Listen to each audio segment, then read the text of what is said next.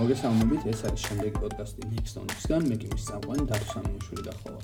დღეს საუბრობთ ძალიან მნიშვნელოვან თემაზე, ეს არის ხელოვნური ინტელექტი, მისი აწმყო და მომავალი. თამამად შეგვიძლია ვთქვათ, რომ დღეს ხელოვნური ინტელექტი მის ყველა წამყვანი კომპანია იყენებს, ამის კარგი მაგალითია Google, Apple, Facebook და არა მარტო ეს კომპანიები. ამის გარდა ხელოვნური ინტელექტი ძალიან ბევრ სფეროში ინტეგრირდა მაგალითად შეგვიძლია ვთქვათ ტრანსპორტირება, ჯანმრთელობა, ფინანსები, განათლება. როდესაც ხელოვნურ ინტელექტზე ვსაუბრობთ, პანდემიასაც ვერ აუვლით გვერდს, იმიტომ რომ პანდემიამ კიდევ ერთხელ და უფრო დაგვანახა ხელოვნური ინტელექტის საჭიროება. დღევანდელ პოდკასტში სწორედ ამაზე ვისაუბრებთ და არა მხოლოდ ამაზე. გავიგებთ რა არის ხელოვნური ინტელექტი, როგორ მუშაობს ის და რა პერსპექტივები აქვს. ამ ძალიან საინტერესო თემაზე სასაუბროთ დღეს ჩვენი სტუმარია თემურ ჩიჩუა, Anima Chatbot-ის დეველოპერი, რომელიც სხვა შორის მანქანური დასწავლის მეთოდების გამოყენებით ქართული ენის ბუნებრივ დამუშავებაზე მუშაობს. თემურ, გამარჯობა. გამარჯობა. თემო, როდესაც საუბრობენ ხელოვნურ ინტელექტზე, რატომღაც ბევრს ასოცირდება რაღაც ზიარსებასთან, რომელიც ადამიანებს განადგურებით ემუქრება, ხო? თუმცა, როგორც უკვე აღნიშნე, ხელოვნური ინტელექტი დღეს უკვე არსებობს და ის ჩვენს ყოველდღიურობას განსაზღვრავს კიდევაც, ხო, რაღაც ეტაპით. აა, აქედან გამომდინარე, მოდი დავიწყოთ პირველი შეკითხვით.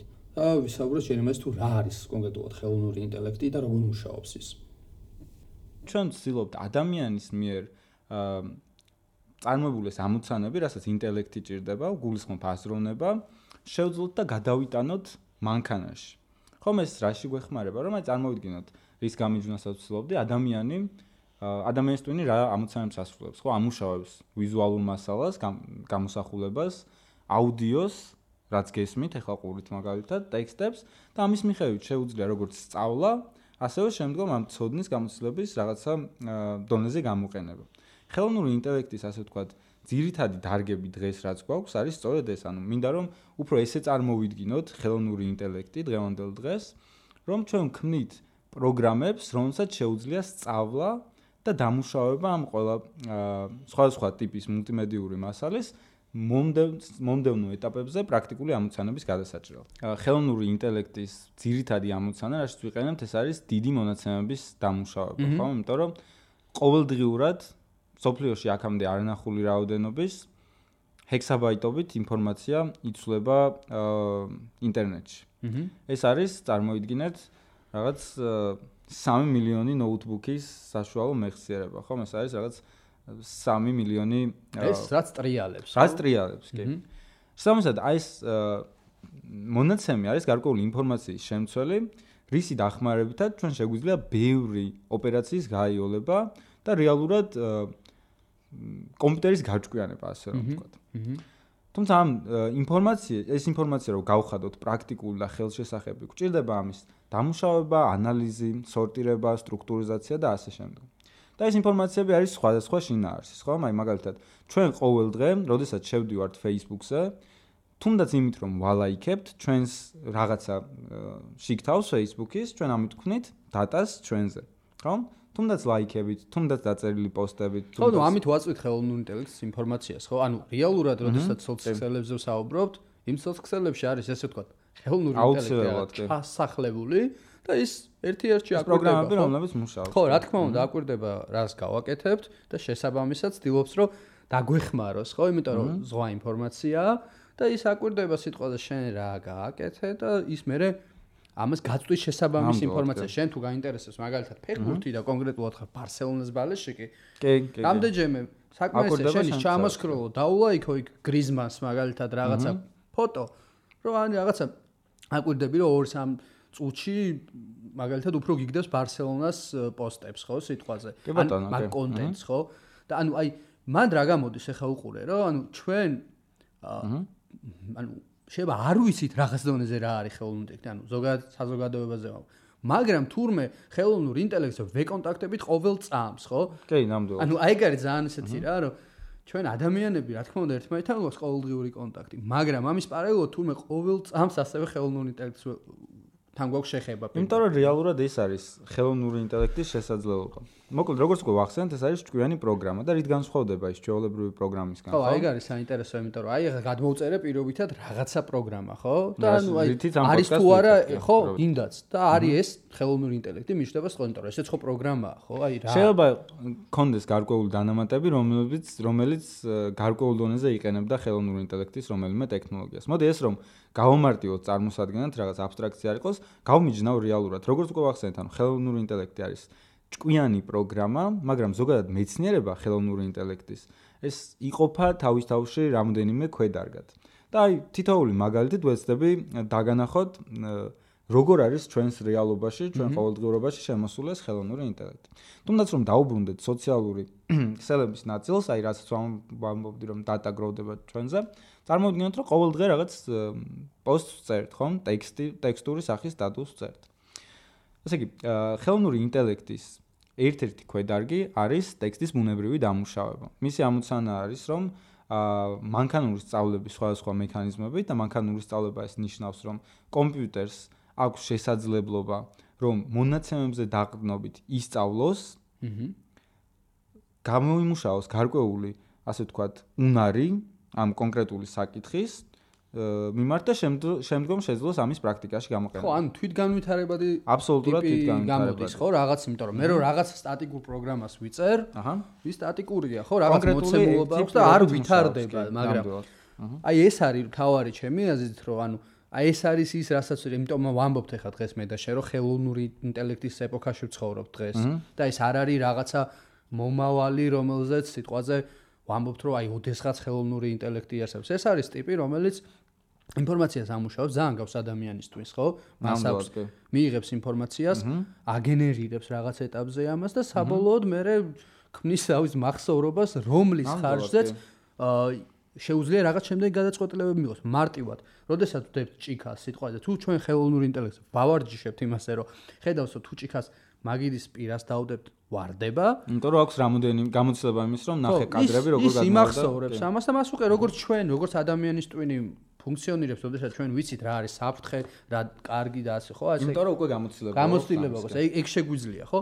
რომ რაღაც დონეზე ეგ ცხოველებსაც აქვთ, ხო? და რასაკურველია. ზუსტად აი ესეთი არის უკვე დღეს ხელოვნური ინტელექტი, იმიტომ რომ იმიტომ რომ სწორედ ამ პრინციპზე არის დაფუძნებული. აი ერთხელაც შევკრათ ეს თემა, რომ ხელოვნური ინტელექტი, ესე იგი, იმით განსხვავდება ჩვეულებრივი პროგრამისგან, რომ განსხვავებით სტატიკურად გაწერილი ინსტრუქციებისა, რომელიც უნდა შეასრულოს პროგრამამ, უბრალოდ კომპიუტერმა, რომელზეც ეს პროგრამა არის გაშვებული, მას შეუძლია ისწავლოს და მიიღოს გამოცდილება, რომლის მიხედვითაც იმუშაოს. და ძალიან კარგი რამ თქვი წეგან, რომ სწორედ ადამიანთან პარალელის გავლებით ყოველთვის შეგვიძლია უკეთ გავუგოთ ხელოვნურ ინტელექტს, რადგან ჩვენც აი თუნდაც ნებისმიერი საქმის ვიღაც პროფესიონალი რეალურად გარკვეული ინფორმაციის მიღებით, გამეორებით, მუშაობით რეალურად გამოცდილებით ხდება რაღაც პროფესიონალი, ხო? ანუ ეუფლება გარკვეულ უნარს თუ ცოდნას. აი ანალოგიურ შემთხვევაში ტექსტის დამუშავებას რომ დაუბრუნდეთ, რაზეც საუბრობდით, იქნება ხელოვნური ინტელექტისთვის ენის მოდელი, ეს წარმოიდგინეთ იგივეა რაც ბავშვის გაზდის პროცესში, მას რომ ვასწავლით აა ჯერ სიტყვებს, ხო? შემდგომ წინადადებებს, ანუ ჯერ უნდა იცოდეს სიტყვა, ესე ვთქვათ, საშენი მასალა, რომელთაც შედგება ეს კომუნიკაციის წინადადებები, ხო? შემდგომ სწავლობს ის წინადადებებს და თავის თავში ახდენს დაშლას ამ სიტყვებად, ხო? ანუ ამუღამებს მიმდევრობების შაბლონებს, როგორ ეწყობა წინადადება და ამის შემდგომ თვითონ შეუძლია როგორც წინადადებების წარმოქმნა, წარმოთქმა, დაგენერირება. ასევე შენი ნათქვამის იმდენად გააზრება, რომ ეხლა ჩვენ ლაპარაკობთ ხელოვნურ ინტელექტზე პოდკასტში და ვიღაცას ესმის რა. ძალიან მაგარია და მე როგორც ვთქვი, შენ ამაზე რეალურად ეხლა ხო მუშაობ, ხო? ეს არის ჩემი სფერო კი ეხლა, რასაც ვცდილობ ქართული ენის სამწუხაროდ ამ ეტაპზე არ გვაქვს ქართული ენის ესეთი სრულყოფილი მოდელი. Ну, სრულყოფილი ხთა ძალიან ამბიციური ნათქვამია, იმიტომ რომ ინგლისურ ენაზეც არ არის მსგავსი, მაგრამ საკმაოდ დახვეწილი მოდელი არსებობს ინგლისური ენის. აუ შეგვიძლია ვნახოთ მაგალითად OpenAI-ის GPT-3, რომელიც სასწაულებს ახდენს მილიარდობით პარამეტრზე გაწვრთნილი მოდელი არის, რომელთაც შეიძლება, აი რა ვიცი, ადამიანისგან განურჩეველი ტექსტები აგენერირონ მოკლედ და ბერტის მოკლედ ძალიან ბევრი დახვეწილი ხელსაწყოა, რომელთაც შესაძლებელი ხდება მომხმარებლის ტექსტის ანალიზი. აი თქვენ თუ დაწერთ Facebook-ზე მაგალითად რომ აუ კრანი გამიტყდა, რანაირი დღე არის დღეს? კრანი თუ რა ვიცი როგორც არ მართები. ხო. უცებ შეიძლება Facebook-ზე დახვდეს რეკლამა, შეიძინეთ ახალ-ახალ ახალ-ახალი რაღაც კი, კი, ეგ ხშირად იმიტომ რომ სწორედ ეს ტექსტის დამუშავება, ანუ ხელოვნური ინტელექტი ამუშავებს შენ ტექსტს და ამის მიხედვით აკეთებს predictions ეს არის ასე ვთქვათ წინასწარმეტყველება განჭრედა თუ რა პროდუქტი ანუ რა იქნება შემდეგი საფეხური შენ რა პროდუქტი დაგახვედრებს? ეგ ეხა ჩვენ გადავდით ძალიან საინტერესო ამბავზე და რატო? ეს არის პირდაპირ დაკავშირებული მარკეტინგთან ხო? და დღეს რა საკურველია კი? კაპიტალისტურ სამყაროში ვცხოვრობთ და ანუ ზოგადად ხელოვნური ინტელექტი ჩემი აზრით ამ ხრივ მოხმარების ფაქტორსაც ძალიან აჩქარებს რა. და რატო ხო? ადრე სიტყვაზე შენ არსებობდნენ მარკეტოლოგები ადამიანები რომლებიც ფიქრობდნენ იმაზე თუ რა გაყიდინონ შენ ხო? როგორ შეფუთონ? მაგრამ ну მაინც ის იყო რომ ეს ეს ესე პირდაპირ ხო ვერ ვერ ხდებოდა პირდაპირ კომუნიკაცია. ისინი გესაუბრებოდნენ რეკლამით ქუჩის ბილბორდით ასე შემდეგ მაგრამ ეს რა ხდება ხო? ეს არის ტიპი რომელიც პირდაპირ არის შენზე მომაგრებული აკვირდება შენს გადაწყვეტილებებს გულისხმობს სოციალურ ქსელებს გუგლის გამოყენებას და ასე შემდეგ. და იმის მიხედვით ოდესაც დაიჭერს რაღაც წერტილს, მე იმას ავრცობს და ავრცობს და prediction-ი ცდილობს რომ გაგიცნოს. prediction-ი რო ახსენე შენ, ანუ წინასწარმეტყობა. ის მართლა, ანუ ეს უკვე ის ის დონის მარკეტინგული ინსტრუმენტია, რომელიც უკვე წინასწარმეტყველებს და არ ცდება ამაში ფიზიკოდ, იმიტომ რომ ის მონაცემები წინასწარმეტყველებს და არა. ნუ თუ სწორ მონაცემებს ხო, რა თქმა უნდა, თუ მე სპეციალო დავაბნიო, რა თქმა უნდა, მაგრამ ადამიანები ძირთადად ეხა სოციოქსეს იმიტომ არ ვიყენებ თუ ეხა მოდი მე Facebook დავაბნევ ხო? ალგორითმი ნუ შეიძლება ვიღაც მაგრამ ვიღაცა შეიძლება ექსპერიმენტებს ატარებს ესეც საინტერესო. აი სხვა შორს ეხა თუ უსმენთ ამას ხო? რავი თუნდაც სადეთ და ძალიან საინტერესო იქნება იმიტომ რომ შეგიძლიათ რომ რაღაც ისეთი რაღაცები ვიდეოები ნახოთ სპეციალად ან YouTube-ზე ან Facebook-ზე რომელიც არ გაინტერესებთ და ნახავთ რომ რაღაც სულად უინტერესო რაღაც კონტენტი უცებ თქვენს ეკრანზე ჩნდება. ან პირიქით. ან პირიქით ეცადეთ რომ პროდუქტივად. ხო, ზოგადად ჯობია ნამდვილად, იმიტომ რომ აი მე მაგალითად სულ მაგას ვცდილობ ხოლმე რა. განსაკუთრებით Facebook-ზე ვძალობდი და YouTube-ი მაგალითად, ჩემ შემთხვევაში, არ ვიცი, არ განვაზოგადებ ამას. აი, ბევრად ჭკვიანია. ბევრად ჭკვიანია, იმიტომ რომ რაღაცებს ან პირდაპირ მთავაზობ ჩემ YouTube-ზე რომ შევდივარ, პირდაპირ იცის ამ ხელოვნურმა ინტელექტმა, რომ მე რა მინდა და რეკომენდაცია რას რეკომენდაცია ხო სულ თავაზობს. აი Facebook-ის შემთხვევაში ეს როდესაც დაემატა ვიდეოების მომენტი, ხო როდესაც გადადიხარ ვიდეოებს სკროლავ, ძალიან ბევრჯერ, აი ძალიან ბევრჯერ ვავარჯიშე შემილია თქვა რა. აი ესე ვავარჯიშე ჩავრთავდი ამ ვიდეოს, მე გადავდიოდი ისეთ ვიდეოზე, რომელიც მე მაინტერესებდა რა. მაგრამ არა, აი ერთი წამი კი გააჩენს, მაგრამ მე ისევ ისეთ კონტენტს ვთავაზობ, რომელიც საერთოდ არ მაინტერესებს. არს გამოწერილი მაქვს, არს დავაიქებული. ხო, ნუ იმიტომ რომ ნუ ორივეს რეალურად სხვადასხვა ბიზნეს მოდელი აქვს, სხვადასხვანაირად უდგებიან მომხმარებელს და შესაბამისად ის ხელოვნური ინტელექტი სხვადასხვა ხო, რა თქმა უნდა, ჩვენ ახლა არ ვამბობთ იმას, რომ Facebook-ის ხელოვნური ინტელექტი უფრო სუსტია, ხო? ანუ აქ არის ზუსტად მისიებს, რომ Google-ის research team-ი ბევრად უფრო ძლიერი არის, ვიდრე Facebook-ის. მაგაზე მოდი ხო, მაგაზეც მაგას დაგეთანხმები ნამდვილად, ხო? და ეხლა მოდი აი აქედან ზუსტად ოდესაც საუბრობთ იმაზე თუ რა შვება ხელოვნური ინტელექტი, როგორ გვანდომებს იმას, რაც გვინდა, ონ კიდევ უფრო ძალიან გვანდომებს, ხო? ხო და ეხლა ვისაუბროთ თავაზობს რეკლამას. ხო, ეხლა ვისაუბროთ აი ადამიანების შიშებზე. რაც ხო, მოდი, ნუ ვიტყვით რომ ეს ცრუ შიშებია, ან ინფანტილური შიშებია, ან პირიქით, რომ რაღაცა ეს შიშები სწორია და აი მოდი ეს შიშები გავზარდოთ უფრო, ხო, უფრო უფრო უფრო შეგვეშინდეს და რაღაც გაუცხოება გქონდეს ტექნოლოგიების მიმართ, ხო, რაც ხდება ხოლმე. შიშ შემთხვევაში სამწუხაროდ დაჩიპვას და ესეთ თემებზე საუბრობენ. ხო, ანუ ეს არის რაღაცა კვაზი არასწორი გაგება. იმ შიშების, რომელიც რაღაც მომენტში ვიცით მე და შენ და ზოგადად თანხმდებით, რომ შეიძლება იყოს ყოველთვის რაღაც რეალური ლეგიტიმური. რა თქმა უნდა, მაგრამ აი აი ეს თემა რომ აი ეს თემა რომ განვავრცოთ, ანუ შიში იმის რომ მაგალითად რაღაცა აა ტოტალი ტოტალიტარული რეალობას მიერ სადაც ყველას აკონტროლებენ და მეორე შიში არის ამასთან, როდესაც ჩვენ გვეშინია რომ ადამიანებს, ხო? აი წაგვართმევენ სამსახურს. აი ამაზე რო ვისაუბროთ რა. კი. ანუ ტექნოლოგიების და ზოგადად განვითარების შიში ეს კაცობრიობისთვის რაღაც ისტორიიდან ჩანს რომ თამდევი ნაწილი არის და ნუ ყოველთვის ეყრდნობა რაღაც სავსებით სამართლიან ესეთ ლოგიკურ მიზეზს. ამ კონკრეტულ შემთხვევაში ანუ რამოდენიმე სხვადასხვა მიმართულება არის, რის გამოც შეიძლება ეს სიტუაცია გამოწვეული იყოს ადამიანებს. ხომ ერთი რაცაც ვისაუბრეთ უკვე ეს რომ შეიძლება კონტროლი მოხდეს ამ მონაცემების. აი რეალურად ხელოვნური ინტელექტის გადაწყვეტილება არ არის, რომ მან შემოგთავაზოს რეკლამა იმ მონაცემების მიხედვით, რაც შენზე შენზე აგროვებს. გესმის ეს არის ადამიანის გადაწყვეტილება, რომელიც იყო ამ კონტროლის სადავები, რომელსაც ხელოვნური ნუ მაინც მიუხედავად იმისა, რომ ხელოვნური ინტელექტი ამდენი ვისაუბრეთ ამ კუთხით, რომ მას რაღაც დონეზე აქვს ინტელექტი, ნუ ის არის მართვადი მაინც ადამიანის. ეს პროგრამა არის კიდევ ერთხელ რომ თქვა ამ ეტაპზე, ანუ მას არა აქვს ასე ვთქვა თვით აღქმა, ის ვერ იქნება ბოროტი, ვერ იქნება. ხო, ისე რო არ გავიგოთ, რომ ის ტიპია, რომელიც სიტყვაზე აი რომ ეს ხატი დავანგრიოთ ამ ეტაპზე, რომ ჯერჯერობით ყოველ შემთხვევაში ახლოსაც არ ვართ იმ ეტაპზე, როდესაც ცნობიერი გაუჩნდება ხელოვნურ ინტელექტს და დამოუკიდებლად გადაწყვეტს, რომ აა რაღაცები დაგვიმალოს აი მე რობოტში რაც ხდება, ხო, თუნდაც. მიხედავთ იმისა, რომ არ ვამბობთ, რომ ეს შეუძლებელია ან რაღაც გამორიცხული ან მომავალში, პირიქით შესაძლებელი არის ტექნიკურად, თუმცა ჯერჯერობით აი ეს ასე ვთქვათ ამ ეტაპზე ყოველ შემთხვევაში ჩვენთვის ცნობილი კვლევების მიხედვით არ არ დასტურდება მსგავსი რამ, ხო?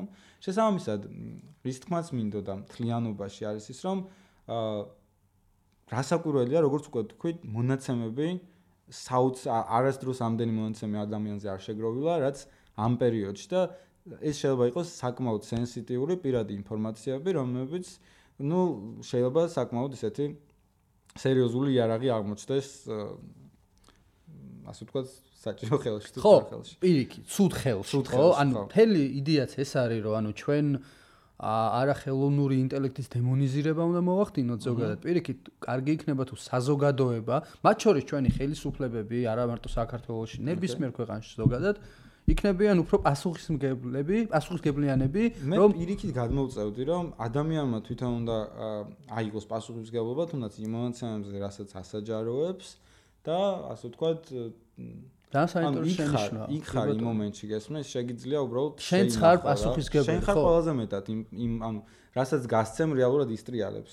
გესმის, ანუ შენ გასცემ იმას თუ რა რა გაინტერესებს. ან ძალით ხო შენგან არ გააქვთ ეს იმპორტ, შენ არ გეუბნებიან რომ და და შედი და უყურე რა პროდუქტი ხედავ. ან სიტყვაზე დაპოსტე რაღაც ის კონკრეტული რაღაცა, რაც სიტყვაზე შენ არ გინო. შეიძლება შვება ამას, მაგრამ ნუ ძირითადად ეს არის მაინც შენი ხო, ხო, ანუ ეს ეს ალკე ფენომენია. ოკეი, მაგრამ თლიანობაში მაინც იმის თქვა მინდა რომ სავსებით სამართლიანი საწყისი აქ ამში. თუმცა აი კიდევ ერთხელ თანხდებით იმაზე, იმედია რომ პასუხისგებელი არის ყოველთვის მაინც ის ადამიანი, რომელიც ამ ფერხულში ჩაება და მეორე ნაწილი რისი ყველაზე ხშირადაც სამსახურებზე შეიძლება არის ის რომ და რაც აქამდეც იყო, აი თუნდაც როდესაც გაჩნდა კომპიუტერი, უამრავ ადამიანს ქონდა იმის შიში, რომ შეუ კარგავთ სამსახურებს და ეხლა ეს გამოთვლითი მანქანები ჩაგვანაცვლებენ რაღაც მათემატიკოსები დაგჭირდება რაღაც სინამდვილეში ეხლა გვჭირდება ყველაზე მეტი მათემატიკოსები მგონი იმისთვის რომ უფრო და უფრო მაგარი და ჭკვიანი ტექნოლოგიები შევქმნათ და ის სწორედ ეს კომპიუტერები იყო რომელმაც პანდემიის პერიოდში უამრავი ადამიანი მუშაობას გადაარჩინა მათ შორის მეც პირადად. აა პირიქით დავეუფლო ძალიან ბევრ მაგარ ახალ უნარს, იმიტომ რომ სახში დრო მქონდა უფრო მეტი და ონლაინ კურსები და ზოგადად აი ეს ინტერნეტი მაგიტომ არის ძალიან მაგარი რამ დღესდღეობით რომ საქართველოსში თბილისში შემიძლია ვიჯდე ჩემს სახში და ჰარვარდის ლექციებს აბსოლუტურად უფასოდ YouTube-ის მეშვეობით უყურებდე სწორედ ამ ხელოვნურ ინტელექტზე და ენის ციფრულ დამუშავებაზე, რაც ძალიან მაგრახსნეს ამ საზღვრებს. ანალოგიური ალტერნატივა შემიძლია გავაკეთო, რომ პირველ რიგში ხელოვნური ინტელექტის გაჩენა არის ერთ-ერთი ჩემი პროექტი, რაზეც მუშაობ, ხო? აჰა. სამწად ანუ აა აქვს თავისი ბენეფიტები, გარდა იმისა, რომ აა სამყაროს შეცვლის, ზუსტად ისე როგორც კომპიუტერმა შეცვალა, ეს გამოიწვევს ასე ვთქვათ, ისეთი რეალობის აა შექმნას ჩვენ გარშემო, სადაც სტანდარტულად აა დღევანდელი დღიდან რთული იქნება შეფასება, გესმის? აი, თუ მაგალითად კომპიუტერმა გააქროს საბეჭდი მანქანის წერალი, ხო? დღევანდელ დღეს ეს ნაკლებად არის პრობლემა, იმიტომ რომ კომპიუტერზე შეგიძლია იგივე რაღაცა გაკეთო, ხდება. ორი აზრი არ არის. მეტამორფოზი მეტამორფოზა განიცადა ნამდვილად, ანუ ორი აზრი არ არის, იმიტომ რომ დღეს ამ რეალობაში იმდენი პროფესიაა, ხო? რო აი რა ძალიან ბევრი პროფესია, მაგრამ ეს პროფესიების უმრავლესობა, სრული უმრავლესობა არის გაჩენილი აი ზუსტად ამ ტექნოლოგიების მიერ, ხო? იმიტომ რომ რაღაცას აკრობს და რაღაც საჩეს, მაგრამ თუ დავაკვირდებით სხვადასხვა სამ ტენდენციას, ხო? უკეთესობისკენ მიდის, იმიტომ რომ როდესაც ის ძირთად აკრობს რუტინულ ოპტიმიზაციას უკეთებს. ხო, რუტინულ სამუშაოებს აკრობს ასევე, ხო? ანუ აი მანქანები ავიღოთ, აღარ გვინდა მარტო ხელოვნური ინტელექტი, მანქანები აკრობენ პირდაპირ რუტინულ სამუშაოებს, ხო, რაღაც ეტაპს და.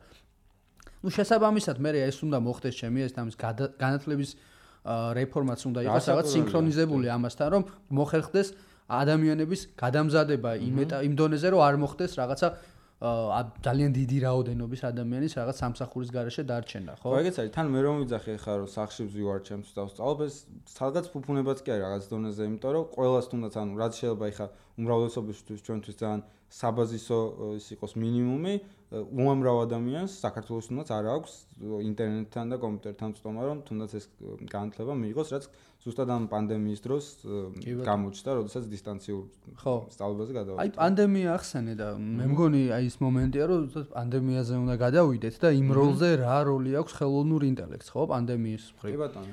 ანუ ჩვენ გვახსოვს კაცობრიობას აქვს მე და შნამდვილად არ გვახსოვს მაგალითად ეს პანკა ეგრეთ წოდებული ეს ვირუსი რომელიც მე-20 საუკუნეში იყო დასაწყისში. და მისი გავრცელება ბევრად უფრო რაღაც უფრო როგორ ვთქვა უფრო მასშტაბური იყო და ეს სიკვდილიანობა ძალიან მაღალი იყო რა. ну рато ხო ну გასაგებია რომ სიტყვაზე მედიცინაც არ იყო იმ დონეზე როგორც დღეს. და დღეს დღეს რას ხედავთ რომ აა შეიქმნა ძალიან ბევრი ვირტუალური ასისტენტი, ეგრეთ წოდებული ჩატბოტები. კი ბატონო. აა ახდება მაგალითად რაღაც რობოტები მუშაობენ მაღაზიაში რომ ადამიანმა სიტყვაზე ანუ არ იყოს იქ ადამიანის სულ. და ძალიან ბევრი ესეთი თემაა ხო? შენ უფრო მე მგონია რომ ამ თემას უფრო კარგად გაშლი შენ აი. კაი უშუალოდ პანდემიას თუ დაუბრუნდებით ასე იგი როგორც ვამბობდი ხელოვნური ინტელექტი შეგვიძლია თვითონ მიმდევრო მეცნიერება შეგვიძლია რამდენიმე ქვედარგად დავყოთ ხო უკვე გავიცანოთ რომ შეგვიძლია ტექსტი დავამუშავოთ ტექსტურ დამუშავებაში გამოვიყენოთ და გენერირებაში. ასევე შევეხეთ ვიზუალურ დამუშავებას. აი მაგალითად ავტონომიური მანქანები როგორც მუშაობენ, ხო? ისინი ასე ვთქვათ, ასკანერებენ რეალურ ობიექტებს და პროცესებს, რაც ხდება აუდიო და არ მხოლოდ აუდიო, ვიზუალური და არ მხოლოდ ვიზუალური მასალიდან, ასევე სხვადასხვა სენსორებიდან და ამის მიხედვით იღებენ გადაწყვეტილებას. აი პანდემიის დროს, მაგალითად, თუნდაც COVID-თან ბრძოლისას საკმაოდ აქტიურად გამოიყენებოდა, ასე ვთქვათ, მონაცემთა ანალიზი არეების შესასწავლად, ხო? ლოკაციები სად იყო, ანუ სად დადასტურდა შემთხვევები, ეს ხო მონაცემია რეალურად არის ეს ყველაფერი. ამათი დამუშავება იმისთვის, რომ წინასწარ მომხდარიყო განჭრედა, თუნდაც სად რა ადგილებს ქონდათ პოტენციალი, რომ შემდეგი კერები ყოფილიყვნენ და ასევე სურათის, აი იმ იმ სურათის დამუშავებაზე, რადგან ვისაუბრეთ, აა როგორც ვიცით, ფიზიკურად ვირუსი ფილტვებთან ჩენდა იმას, რა ქვია, თავს, ხო? სამოსად რენტგენზე იყო კაცრად გამოხატული ცვლილებები, აა რასაც სწავლობდა ხელოვნური ინტელექტი. და ადამიანის ჩაურევლად საკმაოდ მაღალი პროცენტულობით თვითონ ხდებოდა ასე ვთქვათ, ანუ მონაცემი ქონდა სადაც ნახულობდნენ როგორ გამოიყურება დაავადებული ადამიანის სურათი და ის ამ მას რა ქვია რენტგენიდან თვითონ აკეთებდა იმას დეტექციას. სასაკურველია საბოლოო გადაწყვეტილებას მაინც ექიმი იღებდა, მაგრამ სისტრაფე, ანუ უეჭველა და ანუ ძალიან დაბალი იყო შანსი, რომ არ ანუ ჯამთელ ადამიანზე ეთქვა რომ ბატონო, აღწდებოდა ძირითადად მაგაზე საუბარი. ამავდროულად კიდევ თვითონ როგორც ვახსენეთ, ხელოვნური ინტელექტი შეგვიძლია ტექსტის გენერირებასა და ანალიზში გამოვიყენოთ, მაგრამ ეს გვაძლევს შესაძლებლობას რომ აი მოსაუბრე ჩეტბოტები რაც ახსენე, მოსაუბრე კომუნიკაბელური არსებები შევქნათ ციფრული. და ჩვენი ამოცანაც, რაზეც მუშაობდით პროექტზე Anima Chatbot-ში, ერთად ეს იყო სივრცე 19 შევქმნით chatbot-ი, სწორედ პანდემიაზე, პანდემიაზე გათვლილი.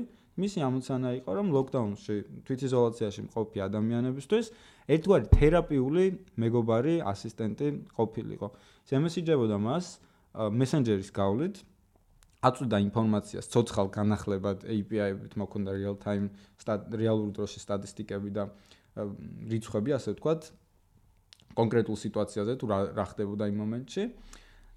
რეკომენდაციებს გასცემდა, ინფორმაციებს, სახალისო ამბებს და დრო როგორ გაიყვანა იმ პერიოდში. ხომ შესაბამისად, ანუ სწორედ ამის თქმა მინდა რომ ხელოვნური ინტელექტის გამოყენება მედიცინის განვითარებაში, ზოგადად კეთილდღეობის, ყოველდღიურობის გამარჯვებასობაში შეიძლება იყოს საოცრად დიდი და სწორედ პანდემიამ გვანახა ამ და არ მხოლოდ ამ სხვა სხვა ავსავსებით კონკრეტულად წარმატებული მაგალითები. აა ჩემ ბევრი ნაცნობი კონსერვატორი მაგალითად რომლებიც რაღაც ტექნოლოგიურ პროგრესს და ზოგადად ტექნოლოგიებს რაღაც ცოტა ის უყურებენ სუდად, პესიმისტურად, ხო?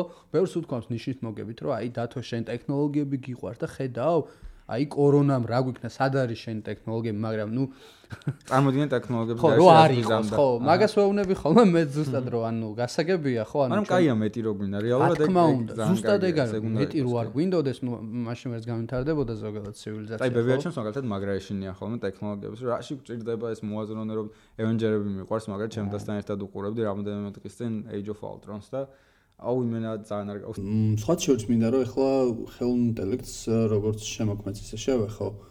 ძალიან ბევრს ხდება ალბათ ინტერნეტში მათ შორის YouTube-ი როგორც ვახსენეთ, YouTube-ზე რომ აი რაღაცა მუსიკას უსმენს და წერია რომ ეს არის ხელოვნური ინტელექტის მიერ გაკეთებული მუსიკა, შექმნილი მუსიკა. არის ტექსტები ხო, რომ აი მაგალითად ეს ტექსტი არის ხელოვნური ინტელექტის მიერ დაწერილი. და ნუ რაღაცა ლოგიკურ შეკითხვას აჩენს რომ კი მაგრამ ამას ცნობიერი ხო არა აქვს? ტექსტს როგორ წერს ნუ ან მაგალითად მუსიკაც როგორ შეიძლება მას სმენა კონდეს მაგრამ მთელი მუღავი მანდ არის რომ გჭირდება სმენა რომ მუსიკა შექმნა. შენ შეგიძლია შექმნა აა მონაცემები რომელიც რომელიც შეგიძლია გამოიყენო იმისთვის რომ წყალებში გაზარდო ხელოვნური ინტელექტი. ანუ მას ასწავლო აი წარმოგიდგენ ხელოვნური ინტელექტს თუ ასწავლი 100 სიმფონიას ის შეძლებს 1001 სიმფონიის დაწერას. რადგან მისი ამოცანა სწორედ ეს არის, რომ შეძლოს გამოცდილებით სწავლა, ანუ მოусმინოს პირობითად მუსიკას, ეს რას ნიშნავს, რომ მუსიკა არის გარკვეულ ხას გარკვეული სახით შეიძლება ამის კომპიუტერისთვის გასაგებ ენაზე გადათარგმნა, იმიტომ რომ ეს არის ნოტები, ხო? ეს არის ნოტები, რომელიც რაღაც ტაიმლაინზე დროზე დროში მიედინება, ხო? აკორდები და ყველაფერი.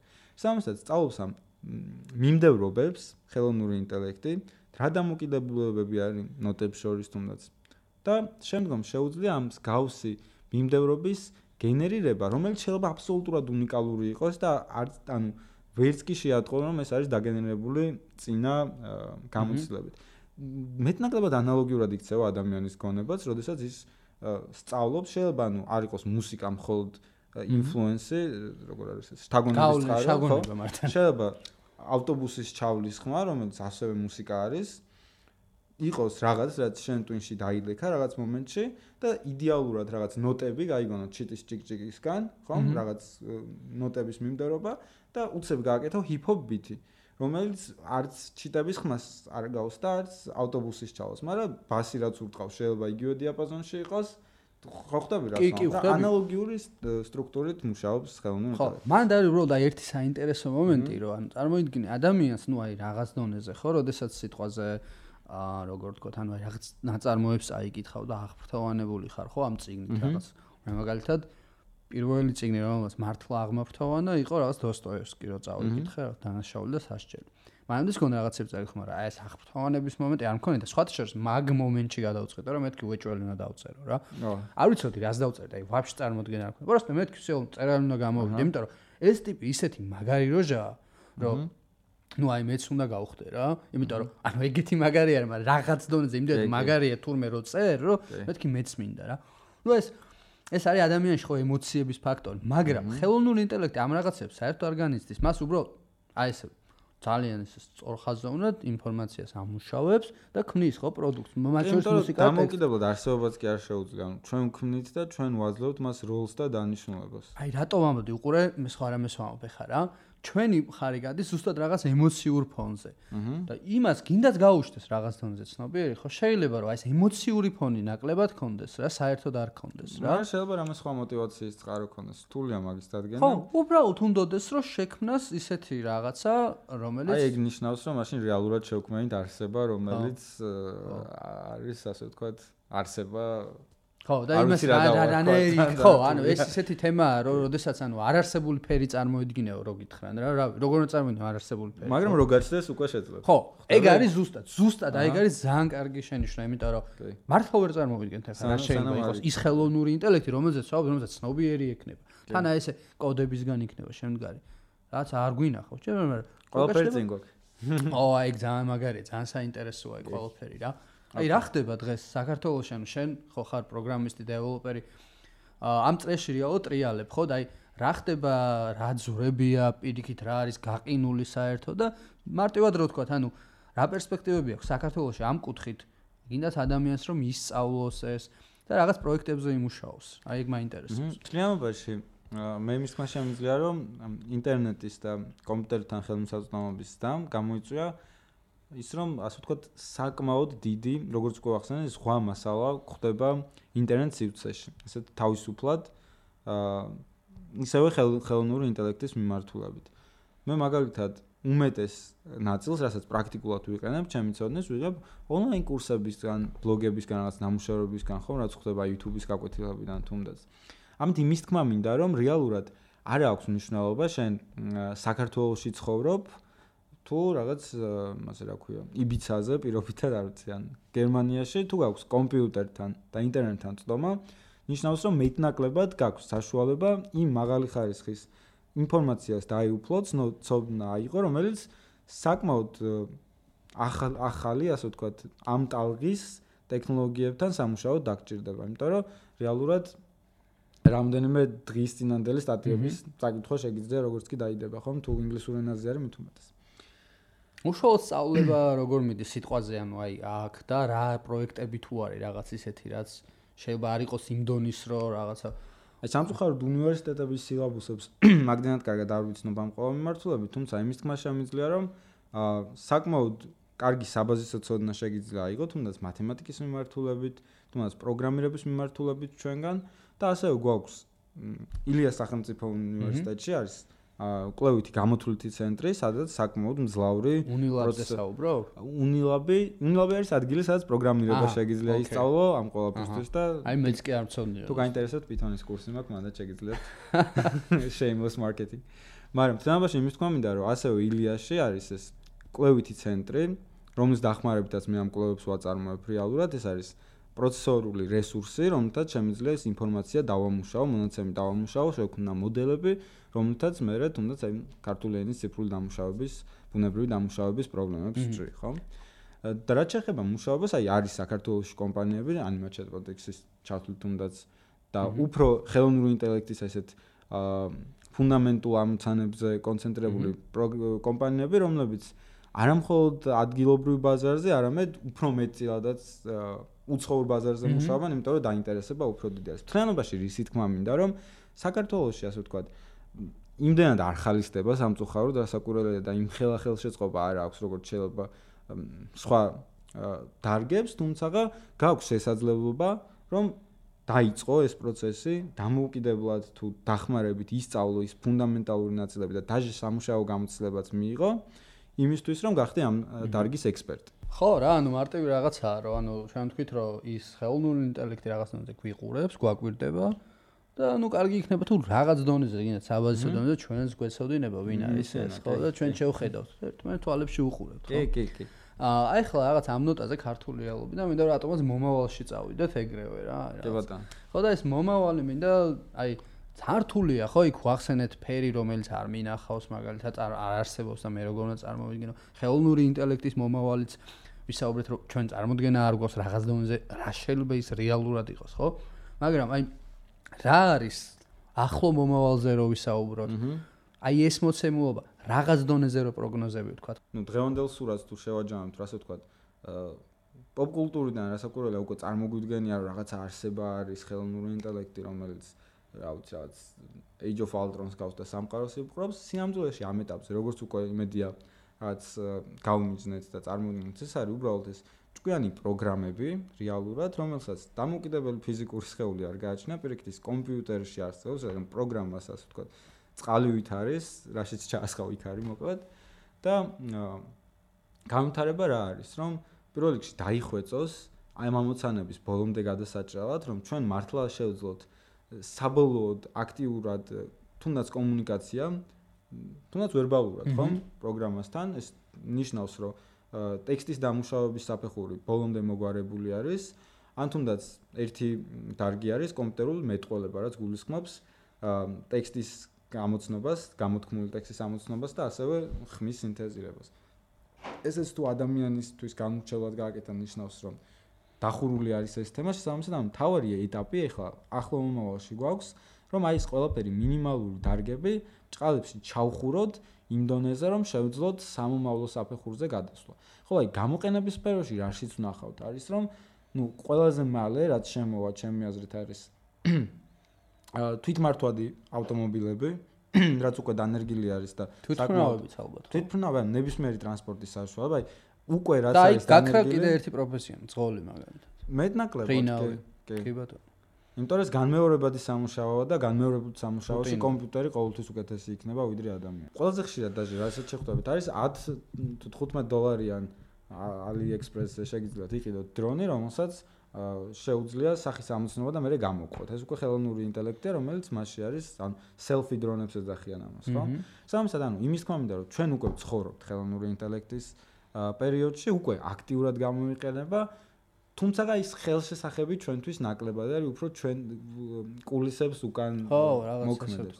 თუმცა აი კიდევ ერთხელ მინდა რომ ეს პრაქტიკულად რასაც ვხედავთ, თუნდაც ვებ კამერებში, მობილურის კამერებში იმიჯის ხარისხის, სურათის ხარისხის გაუმჯობესებაზე მუშაობს ახლა მაგალითად თანამედროვე ტელეფონებში ეს ალგორითმები, ასევე Amazon-ის მაღაზია ვახსენეთ, კი. რომელს სადაც აა, პროდუქტის ამოცნობა ხდება, რასაც ყიდულობს სურათის დამუშავებით, აა Alexa გესაუბრება იქ, რომელიც პროდუქტს გირჩევს და მოკლედ ძალიან მალე, ასე ვთქვათ, ახლო მომავალში ეს აა ეს არის რასაც ველოდებით. აი, შორეული მომავალი ჩემი აზრით აბსურდული იქნება ახლა რომ დავგეგმო, კი. იმიტომ რომ აა, კი. ხო, ანუ აი ერთ ერთსაც დავამატებ, მეგობრებო, დასასრულს მინდა რომ ესეთი რაღაც თქვა. იმიტომ რომ ჩვენ მანამ ჩაწერას დავიწყებთ ესეთი რაღაც ახსენე შენ, რომ მან წარმოვიდგინოთ ჩვენი გონება, ჩვენი ტვინი და აი რაღაც კომპიუტერები, ხო? ეს რა არის, ხო? ჩვენი რაღაც ტვინის დანამატია უკვე ჩვენთვის, ხო? იმიტომ რომ გვეხმარება საზრონო რესურსზე საზრონო რესურსი გვეხმარება გამოთვლაში, ხო? ანუ რაღაც ძალიან დიდ რაღაცაში იმაში გვეხმარება, რაც ჩვენთვის რაღაც მომენტში არ ხო, შეუძლია, ჩვენი გონებრივი შესაძლებლობები გაიზარდა ამ ხო? რაღაც ზუსტად, ზუსტად. გარე დანამატით. კი ბატონო, რავი, მე რაღაც დონეზე ამას არ შეიძლება გადაჭარბებულიც არის, ვადარებ იმას, როდესაც კაცობრებამ ა, წერა შეძ დაწერა შეძლო რა. კი, რევოლუცია ხო, არის რაღაც ხო, ხო, ტექნოლოგია. და აი ესეც მგონია რომ რაღაც ეგეთი დონის რევოლუცია, რომელიც ჯერ კიდე გრძელდება და გრძელდება, ხო? ხო და აი მე იმ- იმის თქმა მინდა რომ აი ეს დანამატი შეიძლება მალე ფიზიკურად ჩვენში აღმოჩნდეს, ხო? ნამდვილად და ჩვენ გაგვიყვანოს ჩვენი სხეულიდან ხო, დაჟე. ან პირიქით ჩვენ აღმოვჩნდეთ იმაში. ეს უკვე სიმულაციების თემაა. ანუ სიმულაციები კიდე უფრო ფართო თემაა, რომელიც ახალ საში სხვაგან წავიყვანს. აა, და მოდი ასეთ ტონზე დავასრულოთ. ვიქონიათ იმედი, რომ ხელოვნური ინტელექტი ძალიან ბევრ ინოვაციას და სიახლეს შემოგთავაზებს და ჩვენ ცხოვრებას კიდე უფრო მრავალ- მრავალფეროვანს გახდის. დიდი მადლობა შენ სტუმრობისთვის, თემურ. ახლა კი დავამშვიდოთ მსმენელს დროებით და მომავალ შეხვედრამდე.